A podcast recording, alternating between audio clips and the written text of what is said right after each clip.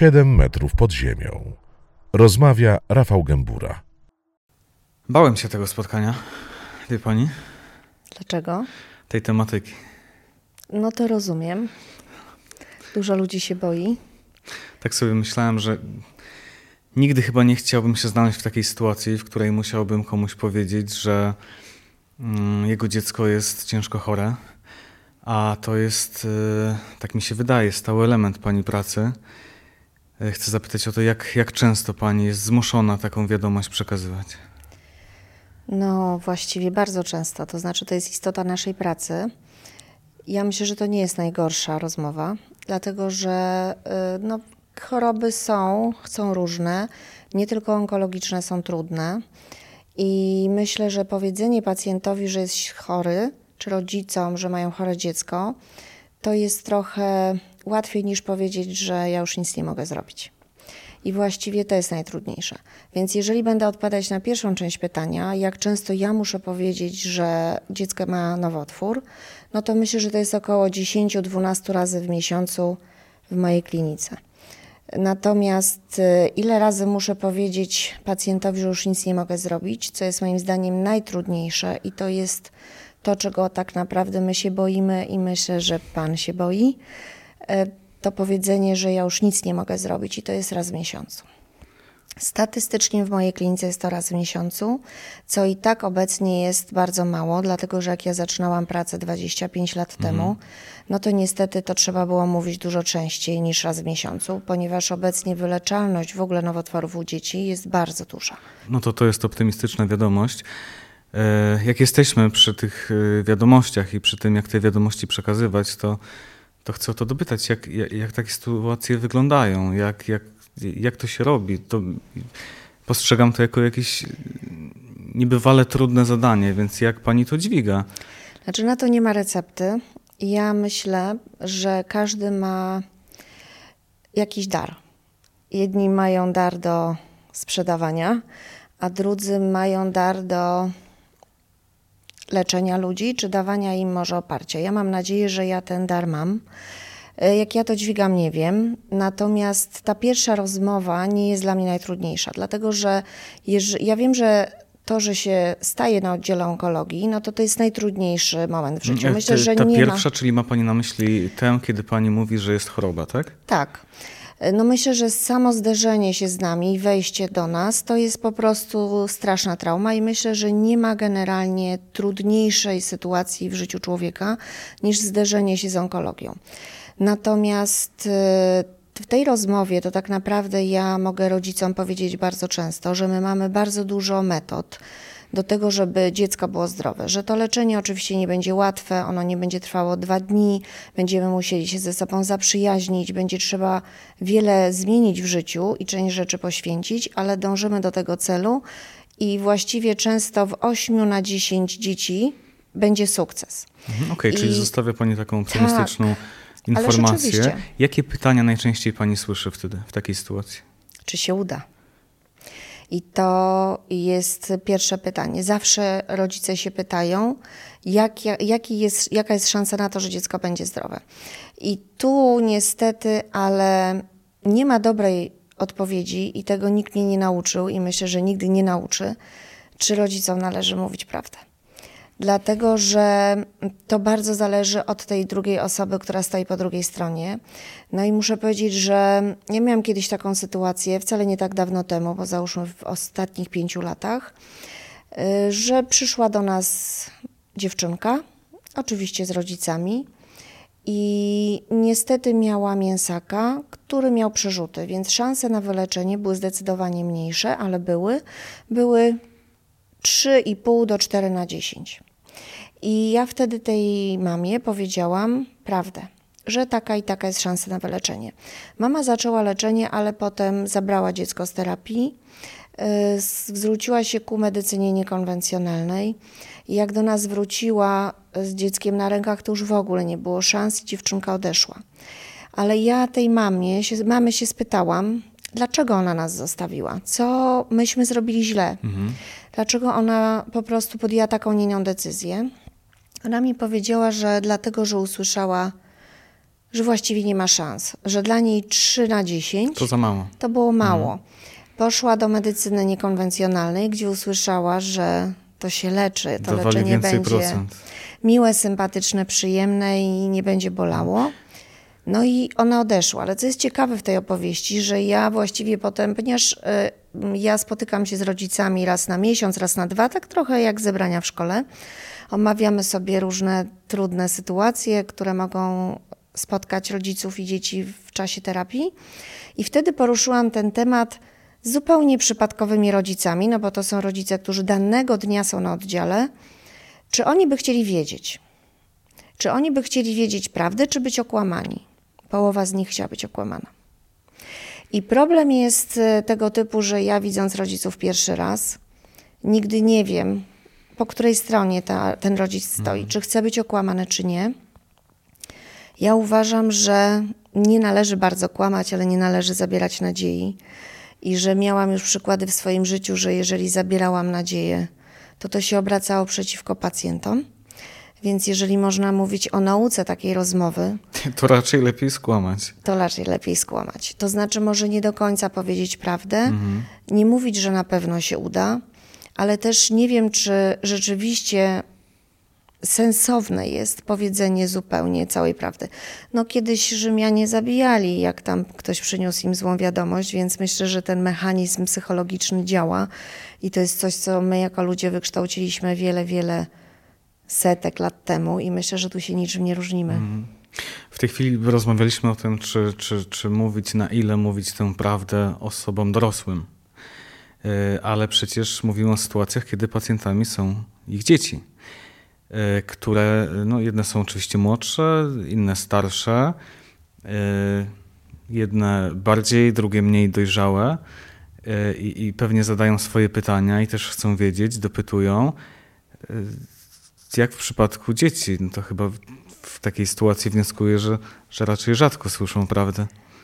No to też bym nie powiedziała, dlatego że to też zależy tutaj od dziecka i od rodzica, dlatego że my nigdy nie możemy, należy pamiętać, zrobić nic wbrew rodzicom. My musimy mieć zgodę rodziców na to, żeby rozmawiać z dziećmi, to jest prawo polskie. Aczkolwiek y, według prawa polskiego, jeżeli dzieci są leczone w badaniach klinicznych, a u nas w klinice prawie wszystkie dzieci są tak leczone, to dzieci od 13 roku życia muszą wyrazić zgodę. Czyli jakby trzeba z nimi porozmawiać i powiedzieć, co będzie się działo.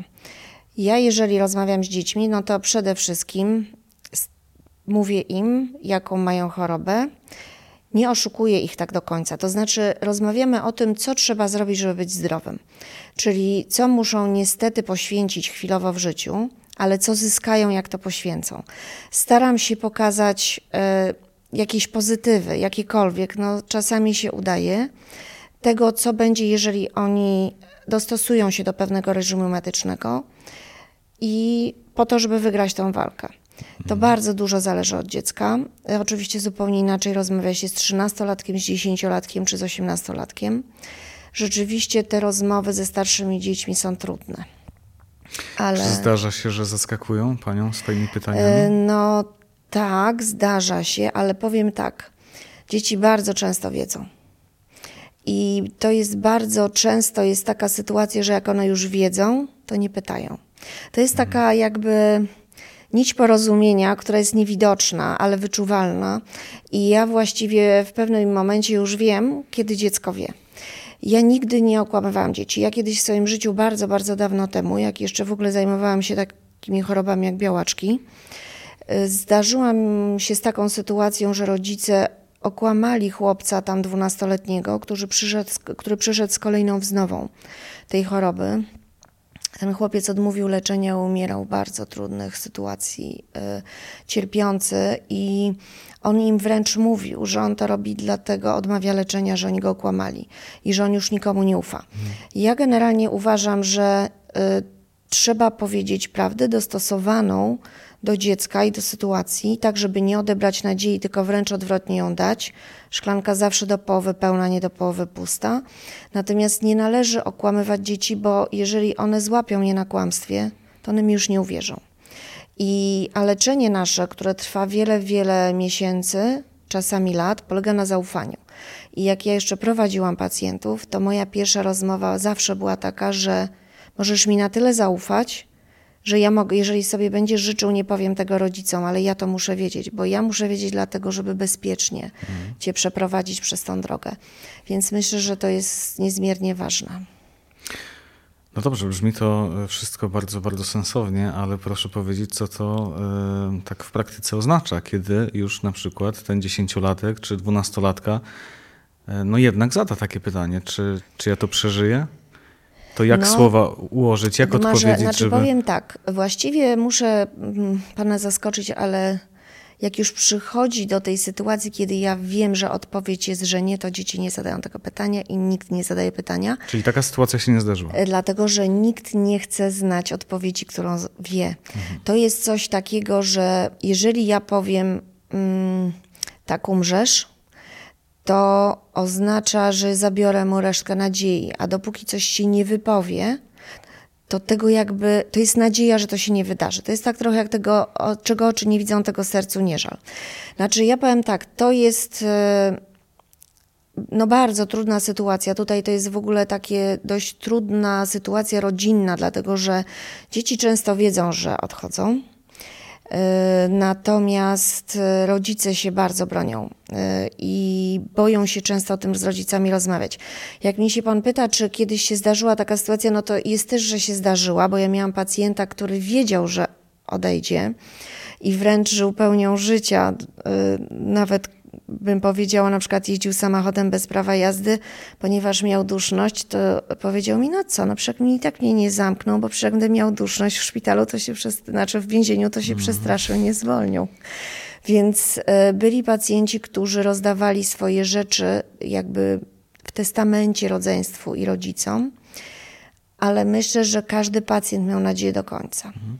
Ale z tego, co pani mówi, e, to tak właściwie można by wyciągnąć wniosek, że że te dzieci, które już wiedzą, że nie będzie happy endu, y, jakby są z tym w jakimś sensie pogodzone? Bo ja sobie wyobrażam, że tam jest jakiś wielki płacz, krzyki y, i absolutnie nie ma zgody, tak? Jak to? No, mam kilkanaście lat i umieram? Czy to też jest trochę psychologii, ponieważ jest kilka faz odchodzenia i przeżywania sytuacji trudnych.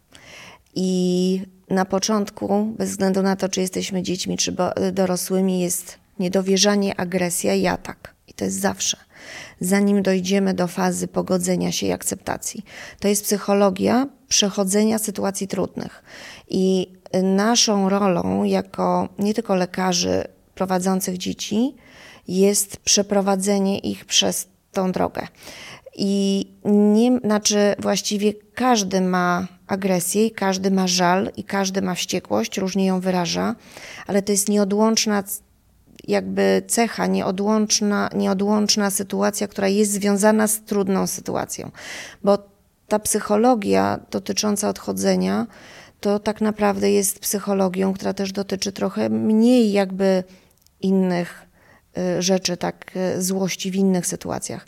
No, to jest bardzo trudne, to jest rzecz, której się nie da tak mhm. naprawdę w jednym zdaniu powiedzieć, ale My, przewidując pewne reakcje u dzieci, staramy się im pozwolić na pewne sytuacje po to, żeby to potem wyciszyć. I Co to znaczy pozwolić im na pewne sytuacje? Wykrzyczeć się, mhm. wypłakać.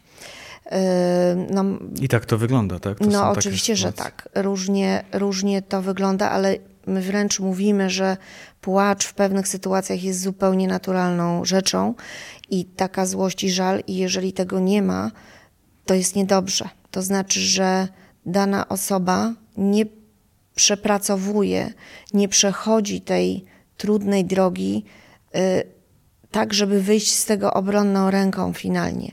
I to musi przejść, jakby każdy z nas, znaczy mam na myśli właściwie naszych pacjentów i rodzin, i też nas, musi to przejść, dlatego że no to nie jest prawda, że my jesteśmy obojętni to, mm, to nie jest prawda. To jest w ogóle bardzo trudna część onkologii, dlatego że myślę, że wiele z nas przenosi pewne rzeczy do domu. I tak było przynajmniej w moim domu, kiedy no ja mam syna, który jak był młodszy, teraz już trochę starszy, przychodził z wieloma problemami, ja mówiłam, synku, to nie jest problem, problem to mhm. jest u mnie na oddziale. No i pewnego dnia po wielu latach on mi to wykrzyczał, mamo, to też jest mój problem. Każdy ma swoją skalę, nie? Ależ oczywiście i to nie może być tak, że, znaczy my to niestety robimy i przenosimy, bo my się też nie godzimy z pewnymi sytuacjami i tego nie rozumiemy, ale mm, no, my musimy być silni dla nich. Mhm. Jakby nie możemy pokazać y, naszej słabości, dlatego że my musimy być dla nich wsparciem. Jeżeli ja przyjdę i mówię, damy radę, przejdziemy przez to, możemy zrobić to i to i będziemy z wami, no to jest zupełnie inaczej, jak ja bym tam stała i zaczęła mhm. płakać razem z pacjentem. Ja tak miałam no tak, kiedyś taką sytuację. Pani, tak, no właśnie chciałam o to dopytać. No czy... rzeczywiście, że tak. No to były początki też mhm. mojej drogi. To był mój osobisty pacjent, no bo teraz już jak jestem szefem, nie prowadzę pacjentów, ale wcześniej ich prowadziłam. I niestety e, to już było wiadomo, że my nie mogliśmy już zrobić nic, trzeba było zakończyć to i przekazać pacjenta do hospicjum. Ja właściwie nie wiedziałam, jak mam to zrobić, mimo że ja pracowałam lata jako wolontariusz w hospicjum u obecnie pana profesora Dangla, który uczył mnie, jak wygląda onkologia od końca, bo uważałam, że to jest najważniejsze, żeby wiedzieć, jak się kończy, a nie zaczyna, po to, żeby być dobrym doktorem.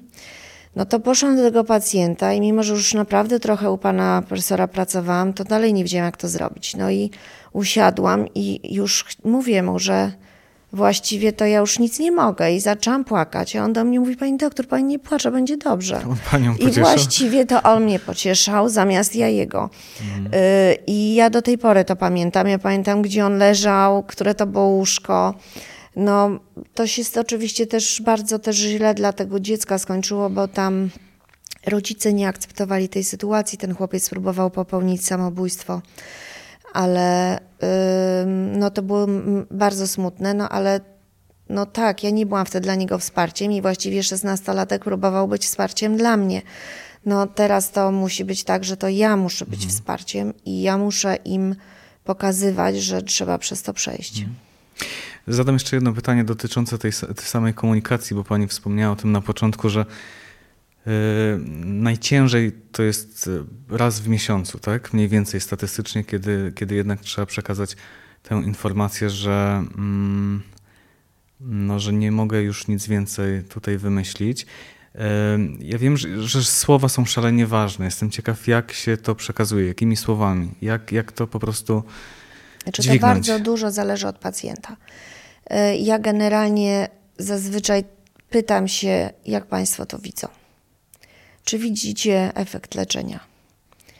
Czy co myślicie, że teraz w tej sytuacji jest najlepsze? Ale to wszystko naprawdę zależy od tej drugiej strony, która, która siedzi. Czyli tak pani I, sąduje ich właściwie tymi pytaniami? No trochę oczekuję, że oni mi powiedzą. Mhm.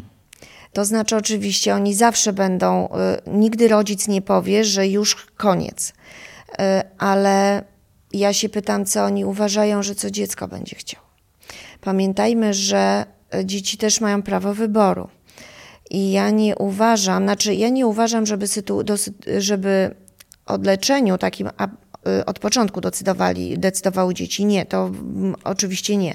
Ale w momencie, kiedy my wiemy, że my już nic nie możemy zrobić i możemy albo oddać dziecko do domu i jeszcze coś zrealizować mu jakieś marzenie, albo ono zginie w szpitalu, to myślę, że ta decyzja trochę należy do dzieci i że y, ja miałam pacjentów, którzy chcieli być w domu, a miałam takich, którzy chcieli być z nami w szpitalu. I myślę, że tu bardzo dużo zależy od tego, co chce dziecko, a to bardzo często rodzice wiedzą.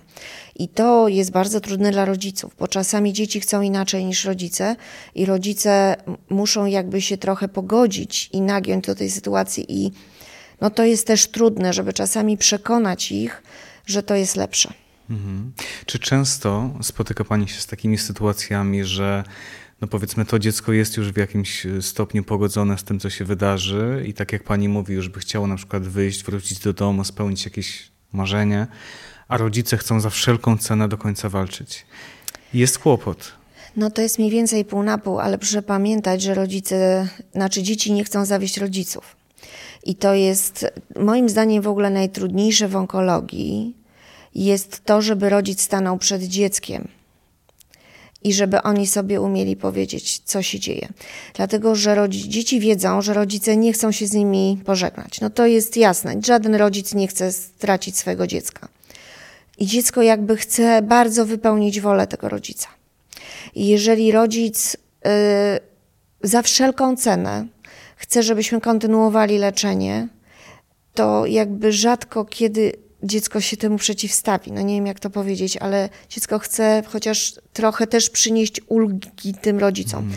Pamiętaj, że ci rodzice płaczą. Te dzieci to widzą. Małe dzieci się boją, dlatego dla nas, znaczy ja zawsze mówię rodzicom, że na początku drogi, bo my tu trzeba podzielić dwie rzeczy. E, to coś, co się dzieje na początku, a coś, co się dzieje później. Bo na początku rodzic musi pokazać dziecku swoją postawą, że damy radę. Tu nie ma miejsca przy dziecku na rozklejanie się, płakanie, mówienie o Jasiu czy Marysiu nie. Tu rodzic musi powiedzieć, tak, jestem tu, będę przy tobie, leczenie jest trudne, ciężkie, ale damy radę, ja ci będę pomagał, masz się brać w garść. Nie ma tutaj się rozkliwiania. I to jest postawa rodzica w pierwszej fazie i taka powinna być. Ja mówię rodzicom wtedy proszę iść płakać za oddział. Mhm. Nie ma, dziecko musi mieć poczucie bezpieczeństwa, im mniejsze dziecko i im bardziej widzi zdenerwowanego rodzica, tym ma mniejsze poczucie bezpieczeństwa, tym bardziej będzie się bało nas, personelu, leczenia i wszystkiego, co się wokół niego dzieje. U starszych dzieci no jest może to trochę inaczej, ale też rodzic musi dać no, wszyscy jesteśmy dziećmi, tak? Jeżeli nam się coś dzieje, a mamy rodziców, a tatuś powie, nie martw się, będzie dobrze, damy radę, ci pomogę. No to, to naprawdę, to nawet jak mam 40 lat, to jakoś to idzie, mm tak? Mm. Więc tak samo jest tu. Natomiast, Ale jest jeszcze jedna faza, tak? No tak, ta właśnie ta druga faza jest wtedy, mm kiedy ja już wiem, że nic nie zrobię. Kiedy tak naprawdę zmienia się trochę ta relacja i my wiemy, że nie będzie już dobrego zakończenia. I wtedy niestety, znaczy stety, niestety, wtedy trzeba umieć pokazać dziecku emocje i wsparcie y, no nie polega na tym, że my bezdusznie będziemy patrzeć, jak dziecko będzie odchodziło. Tak, my tu, ponieważ zazwyczaj dzieci wiedzą, że idzie źle, no bo wiedzą, bo je boli, bo gorączkują, bo nie mogą czegoś robić, no one wiedzą, że nie są zdrowe. No to tutaj właściwie rola rodzica jest na nieuciekaniu od prawdy. I to jest bardzo trudne, dlatego że to trzeba mieć olbrzymią odwagę w sobie, żeby stanąć w prawdzie przed dzieckiem. I myślę, że to jest bardzo trudne i to wymaga naprawdę mm, przygotowania, y, no takiego po części wsparcia od drugiej strony, bo to tutaj już bardzo dużo zależy od tego, czy rodzice są wierzący, czy nie, tak, e, jakie mają przekonania światopoglądowe. Mhm. E, kiedyś, e, teraz to może bardzo widać, ludzie uważają, że jak mają dużo pieniędzy, mogą wszystko kupić. No to nie jest prawda i to widać na naszym oddziale i to też taka sytuacja jednego z, jednej z pacjentki, która mi się trwale no, trwale zapamiętała, ja bardzo lubiłam też rodziców. To była taka ala włoska rodzina z takim temperamentem. -hmm. Nie mieli wtedy jedno dziecko. E, I przynieśli mi taki, to była dziewczynka, tak zrobiła w takim pomalowanym kartoniku. No tak składała się na takie pudełeczko i tam był taki e, prezent, taki słonik jakiś mosiężny. No ja jej powiedziałam, że ona z tatą przyszła, to było jakieś, nie wiem, tam gwiazdka czy coś takiego i powiedziałam, że nie, nie, no to nie może być te takiego słonika, to nie, no rysuneczek fajnie. Na co tata powiedział przy niej, pani doktor, co to, w ogóle co to jest? Dla nas to jest tylko symbol. Co bym pani nie dał i tak życia dziecku, pani mi nie uratuje. I właściwie to była już w tym momencie, cena tego słonika była kompletnie nieważna, bo on powiedział, że nie ma ceny, mhm. którą mógłby mi dać, żebym ja uratowała życie dziecka i on już wie, że ja nie uratuję tego życia dziecka i ten słonik nie ma żadnej wartości. I dzięki temu ten słonik ma największą wartość dla mnie, on stoi na mojej półce w moim własnym domu, ale właśnie to było pokaz to tata namacalnie pokazał i to, co na naszym oddziale każdy bardzo szybko się uczy, nie ma pieniędzy, które można zapłacić. Tak, za to, żeby w, pew w pewnym momencie przeżyć. Oczywiście ja nie chcę tutaj powiedzieć, że pieniądze nie są ważne, to żebyśmy się dobrze zrozumieli, no bo lepiej jest mieszkać w dobrym domu niż w złym i leczyć się w apartamentach w Mariocie. pozwalają niż... zapewnić jakąś opiekę, tak? Tak, ale w pewnym momencie no niestety pokazuje... Do pewnego momentu. Tak, że Później potem jak się, się ma wszystko, to mhm. i tak się nie ma nic.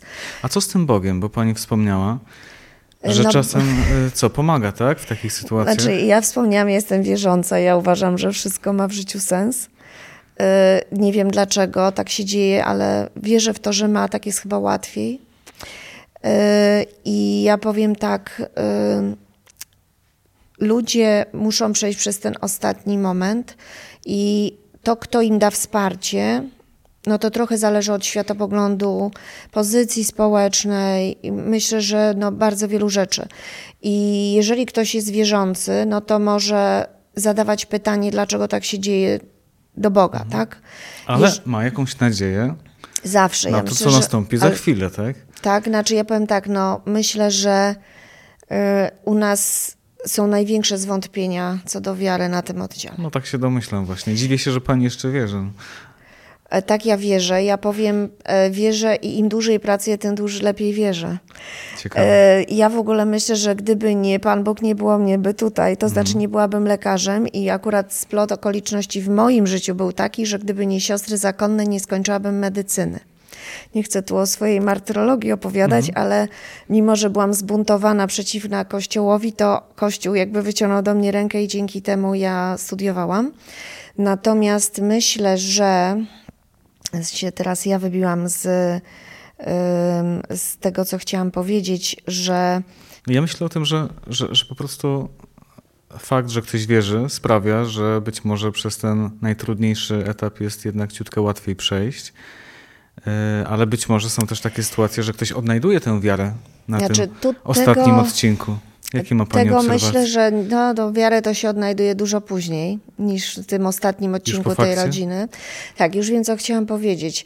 E, chciałam powiedzieć, że ja się spotkałam z paroma sytuacjami na oddziale, że na przykład, na przykład odejście dziecka miało głęboki e, sens na przykład dla innych dzieci. Ja tu opowiem taką historię, którą pewnie wiele osób zna, kto się do onkologii dziecięcej chociaż trochę tam kiedyś dotykał była taka, jest jeszcze ta Fundacja Spełnienia Marzeń. Ona powstała już, ten pan, który ją zakładał, niestety nie żyje, ale mm, oni to zakładali z żoną, ponieważ mieli synka, który chorował na białaczkę. Niestety się nie udało.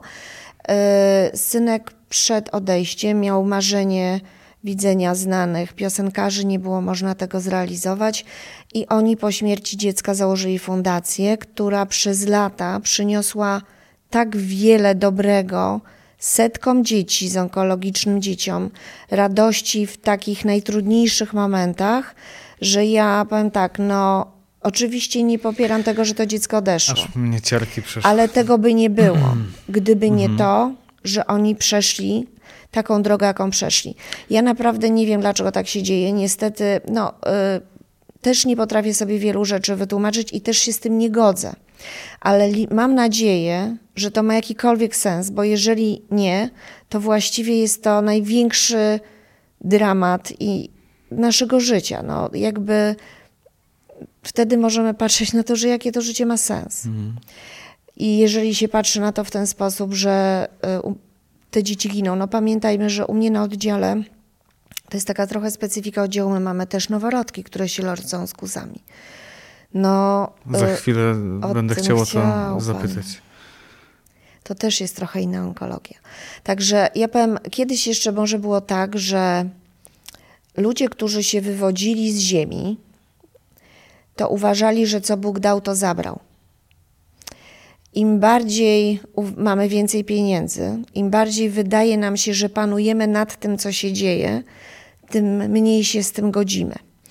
I uważamy, że skoro lecimy w kosmos i skoro możemy gadać, nas wszyscy słyszą, to znaczy, że możemy wszystko i nie godzimy się z porażką taką, jaką jest odejście dzieci. I to jest agresja i bunt przeciwko temu, co się dzieje, a z tym sobie nie radzimy.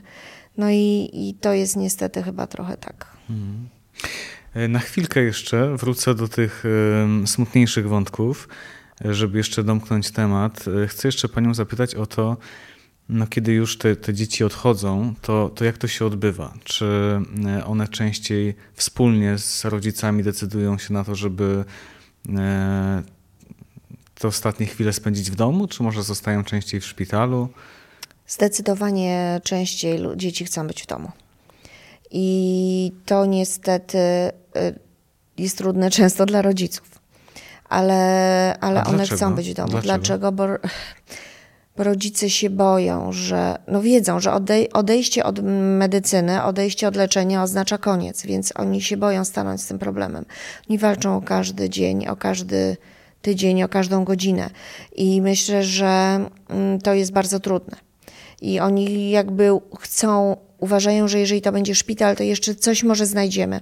I miałam takich rodziców, którzy jak stracili dzieci, to przez lata do mnie dzwonili i pytali się, czy jest coś nowego teraz, co by uratowało ich dziecko. Ja zawsze ich kłamałam, bo nawet jak było, mówiłam, że nie ma. Poważnie? Ależ oczywiście. Bo jakie to ma znaczenie, że pięć lat po odejściu tego dziecka teraz coś jest? No dla nich. Żadnego. Żadne. A nie można żyć w poczuciu winy, że się nie zrobiło czegoś dla swojego dziecka. Ja uważam, że to, co mówię zawsze rodzicom, co jest najważniejsze, że trzeba móc stanąć przed lustrem i powiedzieć sobie tak, zrobiłem wszystko, co mogłem. Wszystko, co mogłem w danym momencie zrobić, zrobiłem dla dziecka. Jeżeli to czuję, to znaczy, że ja będę mógł przez to przejść. Jeżeli uważam, że czegoś nie zrobiłem, zaniedbałem, jeżeli tego nie, jakiś nie naprawię, nie przerobię, nawet terapii na przykład, to nigdy nie będę mógł y, z tym żyć i też nie będę wsparciem dla swojego dziecka. Mhm. Także y, najważniejsze jest mieć to poczucie, że zrobiłem wszystko. My y, również w tych ostatnich. Znaczy, ja w ogóle nie uważam, że jestem najmądrzejsza. To jest w ogóle punkt pierwszy programu. I jeżeli ktoś y, chce konsultować swoje dziecko za granicą, to ja mu oczywiście na to pozwalam. I jeżeli to jest sensowne, to biorę to pod uwagę. Czyli nie obraża się pani? Nie, akurat na to nie. Na, akurat na pani, to nie. A kiedy się pani obraża? W cudzysłowie. Znaczy, e, czy się obrażam? Bo to jest takie trudne. E, ja w ogóle nie lubię, znaczy to jest też chyba trochę mm, pokłosie obecnej narracji. Dlatego, że ja w ogóle uważam, i to mi się nie podoba, jeżeli rodzice zarzucają nam, że my robimy coś na przykład dla firm farmaceutycznych, że ja ich okłamuję, że zrobiłam coś niezgodnie ze sztuką teraz w ogóle czasami jest taka narracja, no bo słyszy się, że choroba nowotworowa to się leczy. Że to w ogóle jest cudownie. I jeżeli jest niepowodzenie, to część osób interpretuje to jako nasz błąd. Mhm. Co oczywiście nie jest prawdą. Znaczy, ja też nie chcę powiedzieć, że lekarze nie robią błędów, żebyśmy się tu jasno zrozumieli, ale naprawdę to, że ktoś odchodzi albo że dziecko odchodzi, to nie jest e, czasami wynikiem naszego błędu. Tylko niestety, mimo tego, że robiliśmy wszystko i chcieliśmy jak najlepiej, to nam się nie udało. Ja zawsze mówię rodzicom, że dla mnie jako lekarza to najlepiej jest powiedzieć, że mam 100% wyleczeń. No przecież wtedy bym była super lekarzem. Więc w moim własnym interesie jest to, żeby ich dzieci żyły. Dlatego e, właściwie najbardziej e, nie podoba mi się agresja rodziców i zarzucanie nam. Mm, braku empatii, y, chyba niekompetencji, y, jakiegoś takiego wyrachowania. Spisku, mm, zmowy. Tak, no właśnie to chyba jest to, mhm. o czym ja właściwie również nienawidzę, przepraszam, to dosyć mocne słowo, mhm. kłamstwa. Ja w ogóle uważam, że jeżeli się kłamie, nie można wzbudować zaufania. Jeżeli ja jako lekarz mam zrobić wszystko i mam stosować procedury off-label, czyli takie procedury, które nie są ustalone standardem, to ja muszę mieć zaufanie do tej drugiej strony, dlatego że off-label, co to znaczy off-label? Off-label to oznacza podanie leku czy procedury medycznej poza wskazaniami rejestracyjnymi. I ja oczywiście mogę mieć, oczywiście muszę mieć zgodę rodziców, no muszą zajść pewne przesłanki legislacyjne, które trzeba spełnić, żeby mhm. dany lek czy daną procedurę tak stosować, ale stosowanie procedury off-label oznacza, że ja nie wiem, co będzie. Czyli, że po podaniu danej substancji czy danej procedury ktoś może zginąć. Więc jeżeli ja nie mam zaufania do drugiej strony, no to ja rzadko się zdecyduję na off-label. Ta skuteczność terapii jest również oparta na takim wzajemnym zaufaniu Mhm. i poczucie bezpieczeństwa.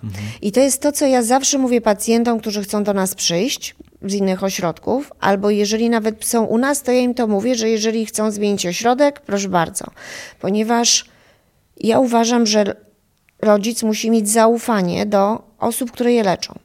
I to jest podstawa w ogóle rozpoczęcia relacji. Jeżeli oni uważają, że na jakimś innym końcu Polski czy świata jest lekarz, klinika, która zrobi to lepiej, ponieważ ja nie mogę zagwarantować sukcesu, to ja uważam, proszę zabrać dziecko i leczyć to u tej osoby, u której pani uważa, że się uda. Dlatego, że jeżeli nam się uda, to jest super, ale życie zazwyczaj jest przewrotne. Jeżeli się nie uda, to ten rodzic powie wtedy: Zostałem tu i w tej klinice, ona mi kazała, a proszę, nie udało się. Jasne. I to jest, e, no mówię, zaufanie jest bardzo Kluczowe. ważne. A czy zdarzają się Pani takie sytuacje, kiedy Pani widzi, że rodzice właściwie w jakiejś sytuacji szkodzą swojemu dziecku? No ale jest Pani obserwatorką i Ależ oczywiście, że tak. Natomiast to są, to też jest bardzo trudne. To wchodzimy na A taki... najczęściej jakiego to są rodzaju sytuacje? Znaczy, no niektórzy rodzice podejmują złe decyzje dotyczące wyboru terapii na przykład. Yy, I ja wtedy nie do końca zawsze mogę coś zrobić, dlatego że jak to było też trochę temu, jak byłam młodym szefem, bardzo się ku temu buntowałam i próbowałam uruchamiać różnego rodzaju instytucje do tego, żeby zmieniać wolę rodzica. Nigdy to się dobrze nie skończyło, te dzieci ginęły, a rodzice nas nienawidzili i wy- mówili, jacy my jesteśmy niedobrzy, i niektórzy nawet mówili, że wybaczają mi moją niewiedzę. I mimo, że potem tak naprawdę okazywało się, że ja miałam rację, to nikt z nich nigdy nie przyznał tego. Bo przyznanie się do tego dla nich oznaczałoby właściwie poczucie Winy. Winy, ale klęski, depresje, terapię, no w ogóle coś okropnego. Natomiast jeżeli ja nie, nie naciskam, to oni czasami wracają. I to jest to, co ja mogę jeszcze spróbować coś działać. To jest bardzo, teraz poruszyliśmy bardzo trudną sprawę, dlatego że w krajach różnych jest różnie rozwiązana kwestii, kwestia w ogóle podejmowania ostatecznych decyzji przez rodziców. Są kraje, gdzie uważa się, że dziecko w ogóle nie jest własnością rodzica i że to jest dobro państwowe i właściwie jest nakaz na przykład leczenia, rodzic nie ma nic do powiedzenia. Skandynawia? Na przykład, ale nie tylko, to, ale są też kraje, gdzie to zależy od tego, jaką szansę ma pacjent na wyleczenie. I na przykład, jeżeli ta szansa jest większa niż 40%, to w ogóle dziecko jest własnością państwa i państwo decyduje. A jak jest w Polsce?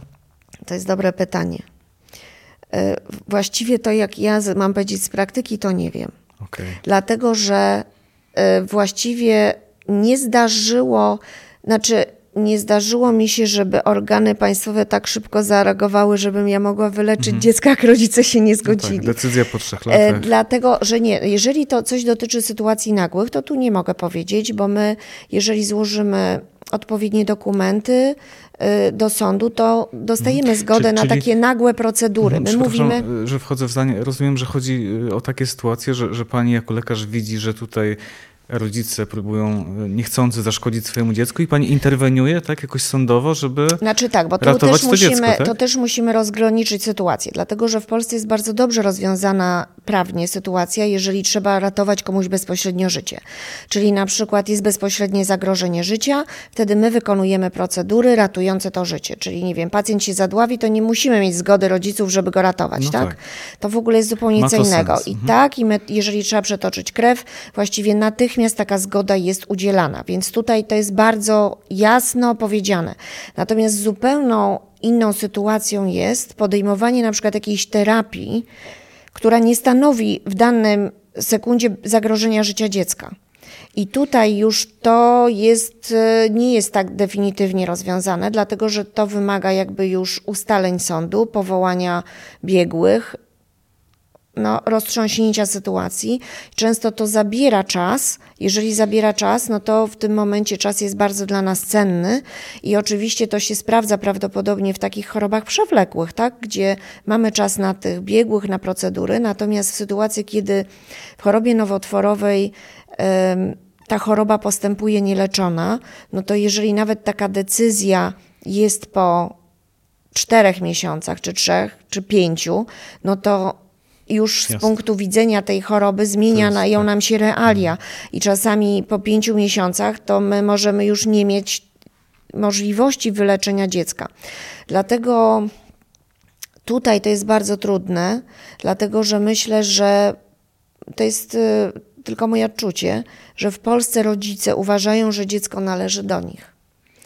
I to są nasze przekonania jako narodu, mhm. że dziecko jest własnością rodziny, a nie własnością państwa. My się nie godzimy z takim postępowaniem, jak jest w Skandynawii. My często to krytykujemy. No tak. E, mhm. Także tutaj chcemy sami podejmować decyzje dotyczącą naszych dzieci. Sam nie wiem, jakbym na to pytanie odpowiedział. E, muszę się nad tym zastanowić. Myślę tak. sobie natomiast o tym, że że no pewnie te jakieś częściowo nieracjonalne zachowania e, rodziców wynikają z tej wyjątkowej sytuacji, w jakiej się znaleźli. Nikt chyba z nas nie jest w stanie sobie nawet wyobrazić, co oni Ale przeżywają. Oczywiście. Natomiast chcę zapytać jeszcze o to, e, czy, czy ma Pani taką wiedzę, być może co się, co się z nimi dzieje później, kiedy już to, to dziecko odchodzi, czy, no bo oni zostają z życiem, które się złamało, są pewnie wykończeni fizycznie, psychicznie, czy, czy system, e, jakieś instytucje niesie im jakąś pomoc, czy oni zostają w Polsce sami ze swoimi problemami, z, ze złamanym życiem? To też zależy od rodziców, dlatego że w, w Polsce istnieje dość dobrze, roz, jest rozbudowana sieć hospicjów dziecięcych, dzięki zresztą profesorowi E, o którym już wspomniałam, tu profesorowi Tomaszowi Dangel. I w tych hospicjach działają takie grupy wsparcia. Grupy wsparcia dla rodziców, grupy wsparcia dla rodzeństwa, i tam oczywiście można się po taką pomoc zgłosić. Oczywiście tu trzeba sobie zadać pytanie, e, czy każdy ma taki sam dostęp do tego, no bo oczywiście jeżeli ktoś mieszka w Bieszczadach, to może nie mieć takiego samego dostępu do takiej pomocy, jak ktoś mieszka na przykład w Krakowie, tak, bo my mówimy to o dużych miastach versus małych miejscowościach. Natomiast e, oczywiście to jest taka tylko moje spostrzeżenie, ono nie musi być zupełnie prawdziwe, ale ja uważam, że ludzie, którzy mieszkają w miastach i posiadają dużo pieniędzy, dużo gorzej sobie z tym radzą. No dlatego że mm, y, oni y, często mają przekonanie o swojej możliwości wpływu na rzeczywistość i oni tracą jakby poczucie bezpieczeństwa, bo tracą ten wpływ. Oczywiście to nie można niczego tak zaszufladkowywać, ale mm, ale to nie jest też tak, wracając do tematu, że ci rodzice czy rodzeństwo nie ma możliwości zwrócenia się. Często nie zawsze chcą. Są takie trochę dwa schematy, dlatego że są też tacy rodzice, którzy chcą zamknąć, zamknąć ten temat. I to ja też zauważam na swoim z przykładzie, bo mhm. ja zazwyczaj, o ile je, dopóki dzieci żyją, znaczy kiedyś jak w ogóle prowadziłam dzieci, to jeździłam nawet do pacjentów do domu. E, jak w tym końcowym kończy... etapie, tak? Tak, tylko to był już warunek. Zresztą to była też taka trochę sytuacja, że rodzice nie chcieli, żebym ja jeździła do nich do domu, bo wiedzieli, że jak ja jeżdżę, to znaczy, że to już jest koniec. Bo ja hmm. dopiero wtedy jeździłam do domu, jak już ten pacjent nie, wiedziałam, że on już do kliniki nie wróci, nie mamy hmm. powrotu, po to, żeby nie było takich sytuacji, że oni uważali, że jeżeli ja już pojadę, to mają jakieś szczególne względy hmm. i tak dalej, i tak dalej. A po co pani jeździła tak właściwie, skoro to już nie miało... No nie, to miało bardzo duże znaczenie. To ja w ogóle uważam, znaczy tak myślę, że to było dla nich bardzo ważne takie poczucie bezpieczeństwa i wsparcia, że ja ich nie zostawiam w tej sytuacji. Ja im nie mówię, że to jest koniec, ja nic nie mogę zrobić, ja ich zostawiam rać sobie sam. Ja im zawsze mówiłam, że ja z nimi będę do końca, że ja odbiorę telefon i ja im pomogę, jak będę mogła. Ich oczywiście dziecka nie uratuję, ale mogę zmniejszyć ból, mogę przyjechać, spytać, jak się ktoś czuje. Myślę, że to no, mm. Mam nadzieję, że to nie tylko ja sobie tak myślę, ale e, myślę, że dla nich to było bardzo ważne. Oni zawsze tego chcieli. Ja powiem szczerze, że właściwie mm, do bardzo małej liczby pacjentów nie jeździłam. I, yy, no i to myślę, że to też było no ja miałam takie poczucie, że zrobiłam coś do końca, że to nie było tak, że ja właściwie gdzieś im powiedziałam na korytarzu koniec, do widzenia, ostatni wypis i już, nie ma, odcięłam to, tylko no, pokazałam im, że dla mnie oni byli ważni. Jasne. I to jest, myślę, bardzo, bardzo istotne, tak, mhm. no dla mnie przynajmniej. Powiedziała Pani przed sekundą, y mogę w razie potrzeby zmniejszyć ból, więc chciałbym jeszcze dopytać o ten wątek, bo temu odchodzeniu pewnie oczywiście często towarzyszy lęk, ale czy też y w przypadku dzieci to towarzyszy także ból? Czy one odchodzą w cierpieniu? Nie, no robimy wszystko, żeby nie. No, y niestety no, ostatnią fazą choroby nowotworowej ból jest nieodłącznie związany, ale my obecnie mamy naprawdę bardzo wiele metod na to, żeby ten ból zniwelować, więc y, my jakby pacjentem w ogóle de facto w domu opiekuje się zawsze hospicjum. Tak, to nie jest tak, że ja biorę na siebie opiekę nad pacjentem w domu. To się opiekuje hospicjum, a ja tam jeżdżę jako gość trochę z boku, mm. który oczywiście zawsze wesprze lekarza, e, powie jak ten pacjent reagował na leczenie, co mu dolegało. Natomiast no, my staramy się podawać tyle leków przeciwbólowych, żeby pacjenta nie bolało. Problemem w hospicjum, no właściwie my jesteśmy w stanie bardzo wiele rzeczy w opiece hospicyjnej poprawić. Właśnie zniwelować ból, nie wiem, duszność. E, natomiast my nie jesteśmy w stanie często gniewu, lęku, y, poczucia beznadziei. Tego nie jesteśmy w stanie niestety często, mówimy tu o rodzinie oczywiście, mm. w jakiś sposób zaleczyć. No, to no, jest no, proces, który trwa. I, no i, i tak jest. No, ja dla, mówię, że rodzice naprawdę dużo lepiej przechodzą ten proces potem, jeżeli mają poczucie że zrobili wszystko i nie zrobili nic, co jakby w jakiś sposób pogorszyło sytuację dziecka. Mhm. Pani doktor. E... Wchodzimy w optymistyczniejszy to były, temat. To były tak bardzo, bardzo ciężkie e, zagadnienia. E, może e, skręćmy w tę nieco bardziej optymistyczną ścieżkę, bo na szczęście jest tak, że znacznie częściej to pani się udaje wyleczyć tych pacjentów. Więc, więc teraz o tych przypadkach porozmawiajmy. E, najmłodszy pacjent. W jakim był wieku? 26 tygodni. to był taki mały wcześniak. E, także to najmłodszy 26 pacjent. tygodni, czyli mówimy o fazie płodowej oczywiście. No już, I... E, już nie, bo urodził się. Aha, już po urodzeniu. Już okay, się urodził. Wcześniej. My mówimy o pacjencie, tak? Czyli my mówimy o maluszku, który się urodził przedwcześnie z powodu guza, był pacjentem i wyzdrowiał.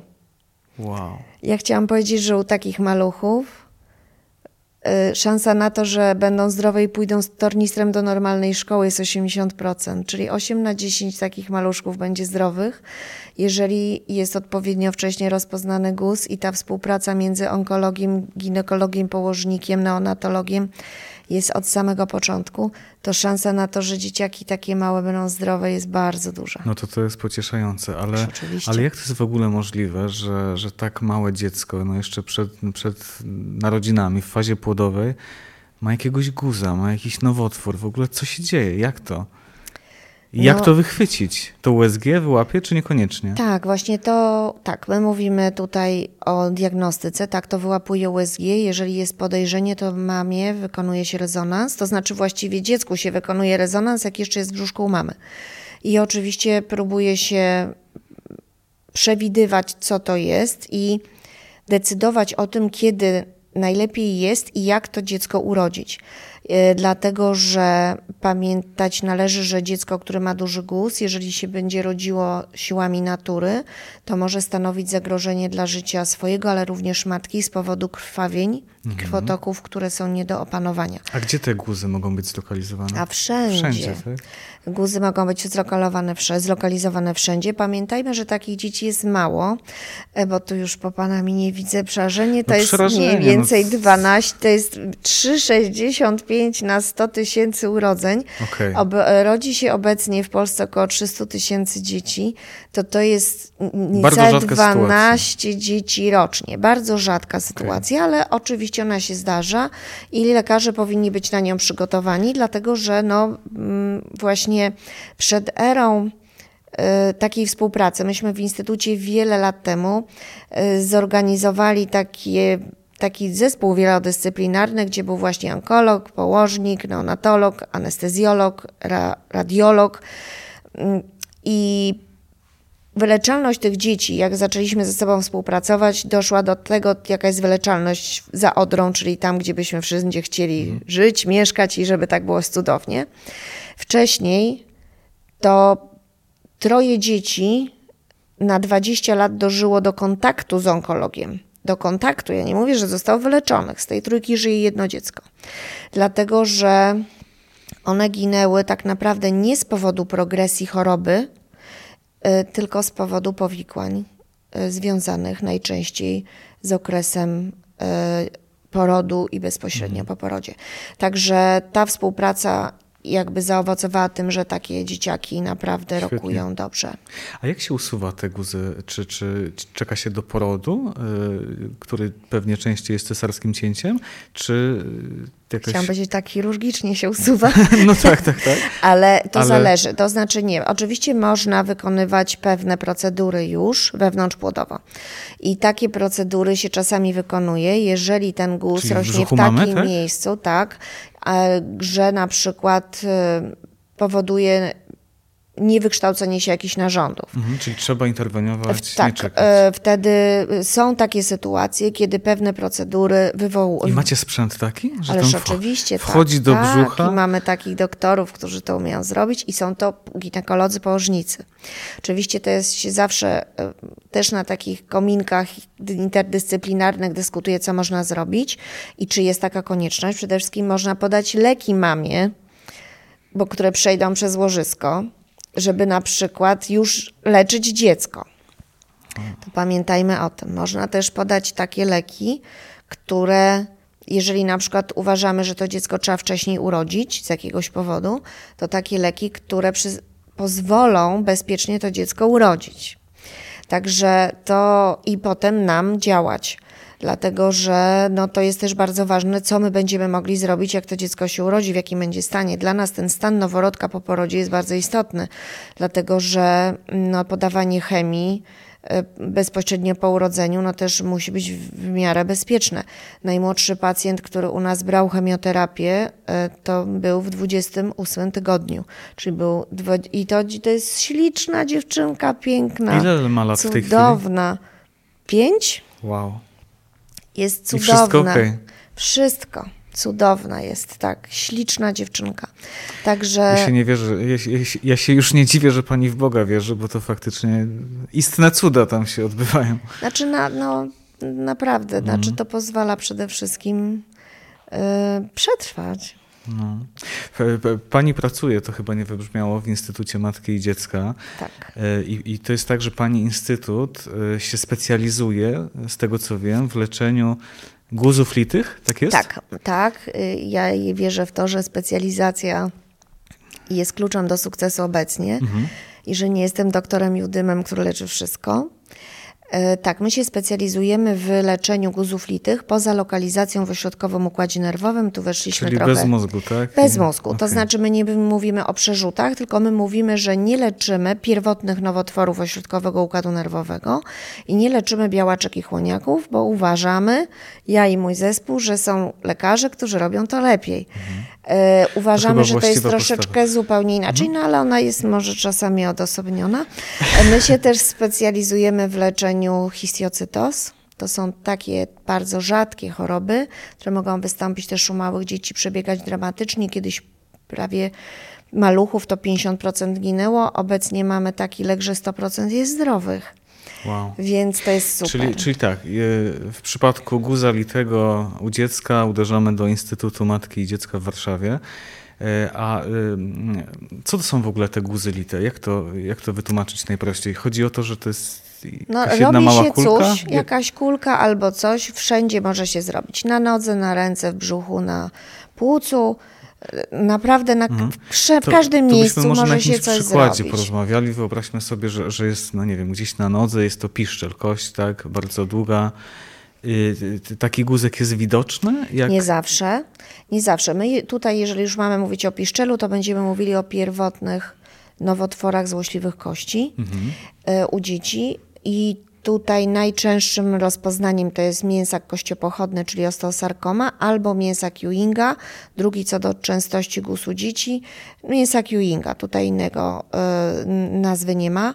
Bardzo rzadko, naprawdę, bo to jest jeden, maksymalnie dwa przypadki rocznie. To jest tak zwany chondrosarkoma, czyli chrzęstniako-mięsak. Y, I tu muszę zrobić dygresję, bo to jest mój czuły punkt, no, że jeżeli mamy jeden, dwa przypadki rocznie, to naprawdę wszystkie kliniki onkologii muszą leczyć te dzieci. No ja uważam, że nie, bo żeby się wyspecjalizować w leczeniu tak rzadkich chorób, no to, to są lata doświadczeń. To czemu e, jest tak? Czemu jest tak? Bo e, jakby czytam taką jakąś lekką pretensję, że jakaś klinika, która się nie specjalizuje w takich właśnie guzach bardzo rzadkich, no jednak podejmuje się tego wyzwania. Czy, czy robi to dlatego, że chce się właśnie nauczyć i też chce być e, wyspecjalizowana w tych guzach? Czy o co chodzi? Znaczy, Brak ja, pokory? Ja czy, powiem tak, no ja nie mogę na to pytanie odpowiedzieć, okay. bo my tak nie robimy. Mhm. Ja w ogóle uważam, że... A co intuicja pani podpowiada? Czemu? Nie, nie, nie to... tak, nie, ja mogę powiedzieć odwrotnie. Ja powiem tak, dlaczego ja uważam, że to powinni robić e, wyspecjalizowane no miejsca. No bo ja pytam o to tylko dlatego, że ja jako pacjent chciałbym faktycznie, żeby mi lekarz powiedział, panie Rafale, pan pojedzie tu, bo tam są najlepsi jakby w tej dziedzinie. Ja tego panu życzę, ale trzeba pamiętać również, że trzeba czasami otworzyć ten internet, na którym my psioczymy i to po prostu sprawdzić. Ja osobiście uważam, to jest moje przekonanie, od razu powiem, że e, w medycynie bardzo ważne jest doświadczenie i że doświadczenie jeszcze trzeba zdobywać pod okiem mistrza, cudzysłowie, który powie nie, nie, tak jest źle, tak jest dobrze. I to jest e, coś, co tego się, oczywiście doświadczenie można zdobyć bez mistrza, tylko wtedy jest to metoda prób i błędów.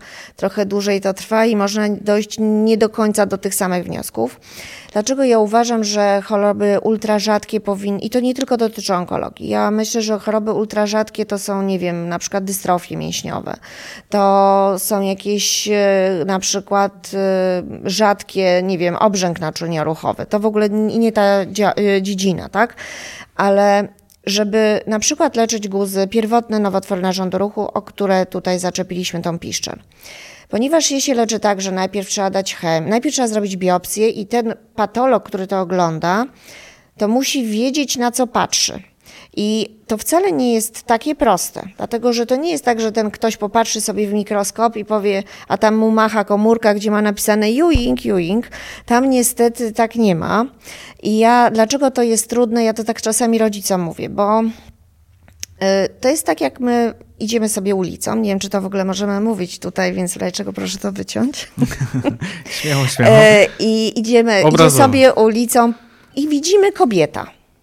No bo wygląda umalowana, włosy pięknie, ślicznie sukienka, no to powiemy kobieta, tak? Mhm. Rozbierzemy ją i powiemy, no kobieta. Ale zrobimy badanie genetyczne i wyjdzie XY. No to kobieta czy nie kobieta? No nie, z punktu widzenia biologii nie kobieta, bo XY tu dla wszystkich Państwa to oznacza, że to jest kariotyp męski.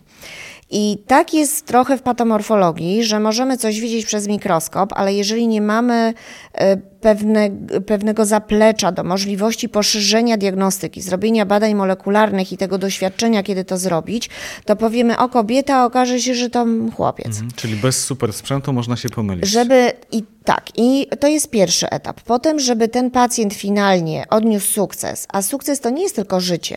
Obecnie my bardzo często walczymy o jakość życia pacjenta, czyli po to, żeby na przykład on po zakończeniu leczenia mógł biegać, chodzić do szkoły, realizować swoje marzenia, nie jeździć na wózku, nie chodzić o lasce.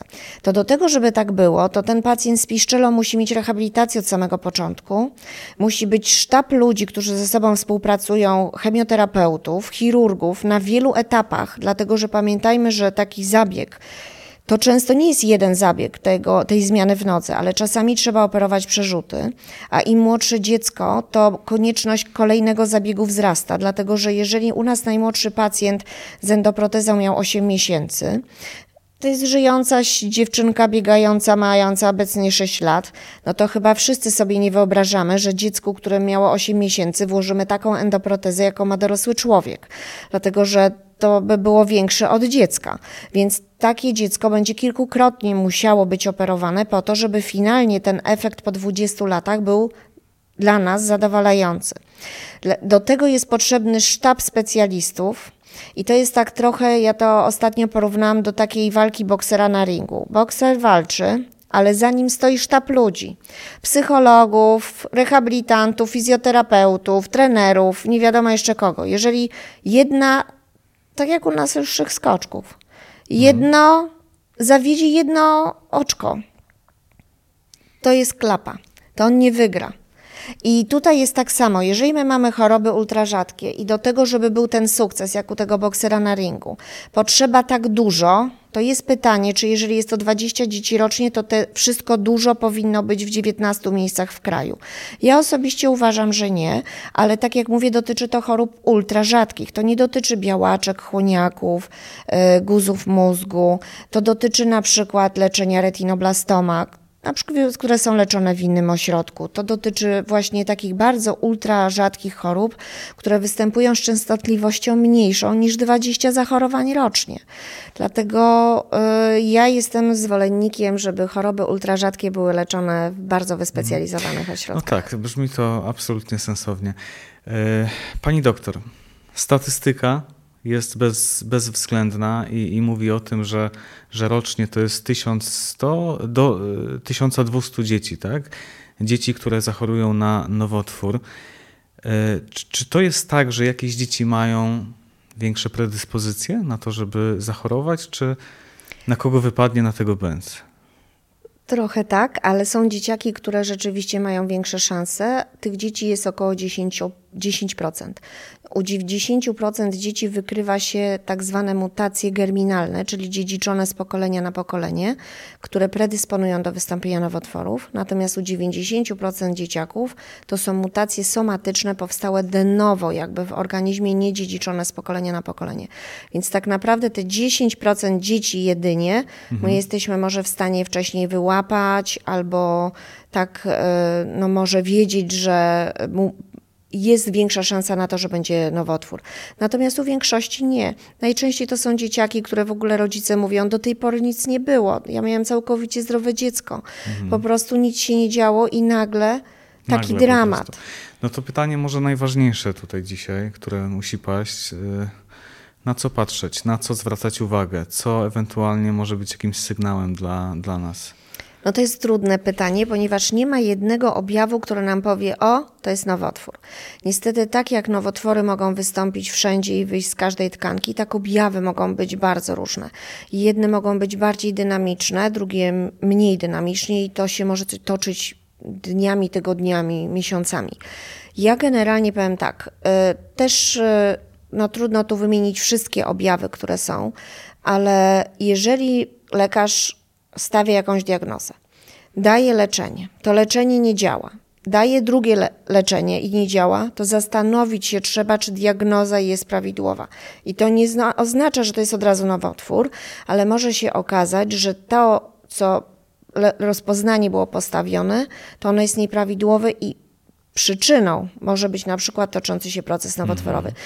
Czyli jeden raz leczymy nie działa, drugi raz leczymy nie działa. Czyli w tyle głowy i wtedy pomyślmy wtedy, że trzeba zmienić że diagnostykę. To na przykład bardzo dotyczy tych histiocytoz, które tu powiedziałam słowo, bo to są dzieci, które często mają wysypki, które są mylone z atopowym zapaleniem skóry albo złojotokowym zapaleniem skóry, gdzie są dawane miejscowe sterydy, które często pomagają, a się okazuje, że to jest tylko kropla w morzu albo czubek góry lodowej i pacjent czasami do nas trafia w bardzo rozsianej postaci choroby, ponieważ miał zastosowane wszystkie maści, jakie były w farmindeksie, no to tu trzeba troszkę wcześniej się zatrzymać. Ale to, i to jest taka jedna duża zasada. Kolejna to jest taka, że zanim wyślemy dziecko na rehabilitację, bo boli go noga, bo to trzeba zdecydowanie sprawdzić, czy się coś nie dzieje. Czyli rehabilitacja u pacjenta powinna być tylko wtedy rozpoczęta, jeżeli jest przeprowadzona wcześniej diagnostyka, dlaczego dziecko boli Okej, noga, biodro. Szukamy przyczyny. Tak. I jeżeli oczywiście taka diagnostyka jest przeprowadzona i nikt tam niczego nic nie znalazł, to oczywiście tak. I to, co, o czym też należy pamiętać, że jeżeli nawet była jakaś diagnostyka, ale objaw nawraca, to nie oznacza, że nie należy tej diagnostyki powtórzyć. Dlatego, że czasami jest tak, że należy o tym pamiętać, że każde badania, które robimy, mają swoją czułość i one wykrywają zmiany, jeżeli tam już jest ileś komórek, najczęściej kilkanaście milionów. Więc jeżeli zrobimy badanie, a tych komórek będzie jeszcze na tyle mało, że czułość metody będzie niewystarczająca, no to my tego nie odkryjemy i zrobimy na przykład rentgen nogi, tam nic nie będzie. A tak naprawdę, gdybyśmy mieli super czuły aparat, nie wiadomo jaki kosmiczny, którego jeszcze nie mamy, już byśmy coś widzieli. Więc należy pamiętać, że powtarzanie diagnostyki nie jest błędem i nie bać się wykonania rentgena, bo często rodzice zgłaszają no, takie obawy, dlaczego ja drugi raz rentgen, to jest promieniowanie z tak, kosmosu czy nie wiadomo skąd, no ja chcę Państwu w ogóle powiedzieć i Panu, że obecnie aparaty rentgenowskie dają tak małe dawki promieniowania, że my wychodząc i chodząc po słonku bez kapelusza, to mamy większą dawkę niż y, Okej, to czyli zdjęcie. tego nie ma sensu się obawiać dzisiaj. Kompletnie nie. Jeżeli trzeba takie zdjęcie zrobić, to należy je zrobić. I to, że się zrobiło raz, to nie oznacza, że już nigdy nie będzie trzeba go powtórzyć. I to trzeba bardzo, bardzo, bardzo o tym pamiętać. Szalenie cenna wiedza, za którą pięknie Pani dziękuję. Bardzo dziękuję za zaproszenie.